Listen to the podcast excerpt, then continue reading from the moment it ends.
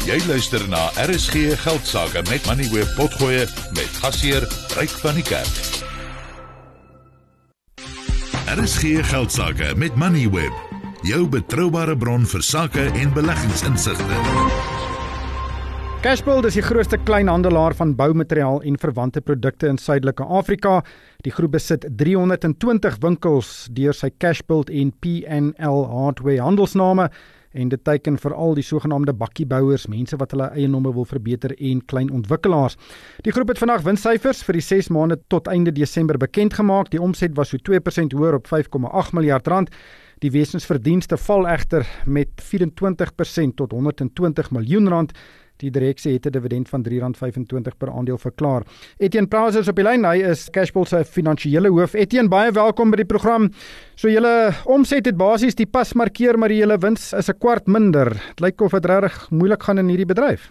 So ja, dit is moeilik daar buite. Soos jy sê, markeer die pas op die toplyn en kostes groei, maar se gevolg van die koste druk in Suid-Afrika en so voort, so dit het ons winsmarge onder druk gesit dit verteenwoordig nou nie in die wesensverdienste nie, maar die afskrywing van PNL se goodwill of die klandisiewaarde van 137 miljoen het ons regte baseer gemaak en dit op 'n eenvoudige dag ons verdienste afgedruk met 98%. So in wese het PNL se afskrywing die cash flow vir die stand van die wins wat ons gegenereer het ten volle uitgewis. Ja, maar dit is dan maar 'n rekenkundige verrekening van daardie klandisiewaarde. Dis dan nie 'n kontant ding nie, maar op bedryfsvlak, hoe dit op bedryfsvlak gevaar as mens nou hierdie snaakse rekenkundige dinge buite rekening laat.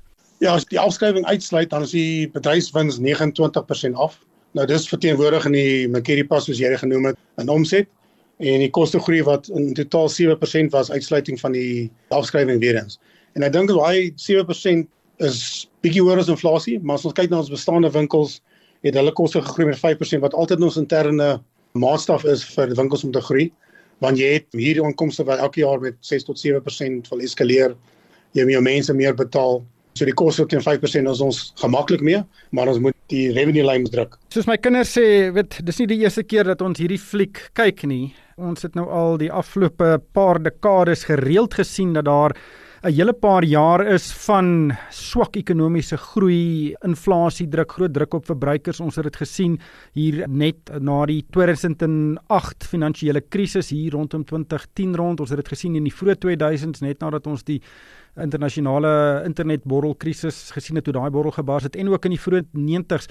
Julle word direk geraak deur letterlik die kontant in mense se sakke om geld te bestee om hulle eiendomme te verbeter of om dit te bou.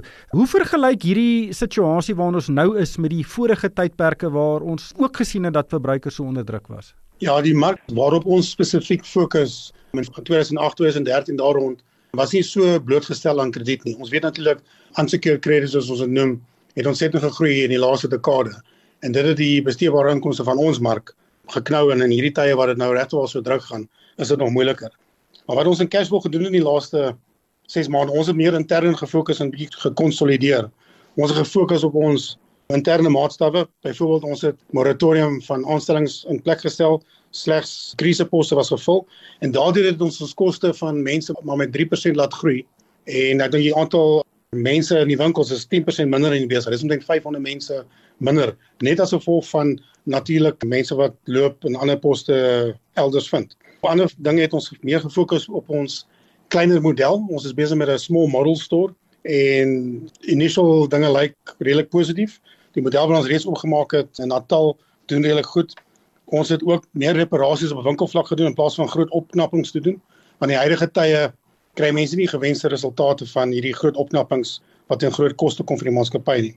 Ons het ook 'n paar innoverende projekte wat ons alreeds implementeer het soos byvoorbeeld ons weerkragreeks wat goed doen en ander projekte wat later af aan die mark sal kom wat ons glo vorentoe sal vrugte afwerk. So al die dinge doen ons om seker te maak dat wanneer dit draai, soos jy sê die fliek se reeds gesien, dit gaan weer beter gaan dat ons dan weer meer kompeterend sal wees as dinge verbeter. Dit is interessant dat julle self nie so fliks opknappingswerk doen nie weens ekonomiese omstandighede en is presies dieselfde bootjie waarin julle verbruikers hulle self bevind. 100% Ja. Jy het nou vroeër verwys na die groter skuldvlakke wat julle teikenmark nou het, die sogenaamde ongesekerde skuld, maar julle verkoop net produkte vir kontant. Julle bied geen krediet aan julle kliënte nie. Hoekom nie en is dit dalk 'n ding om weer te oorweeg?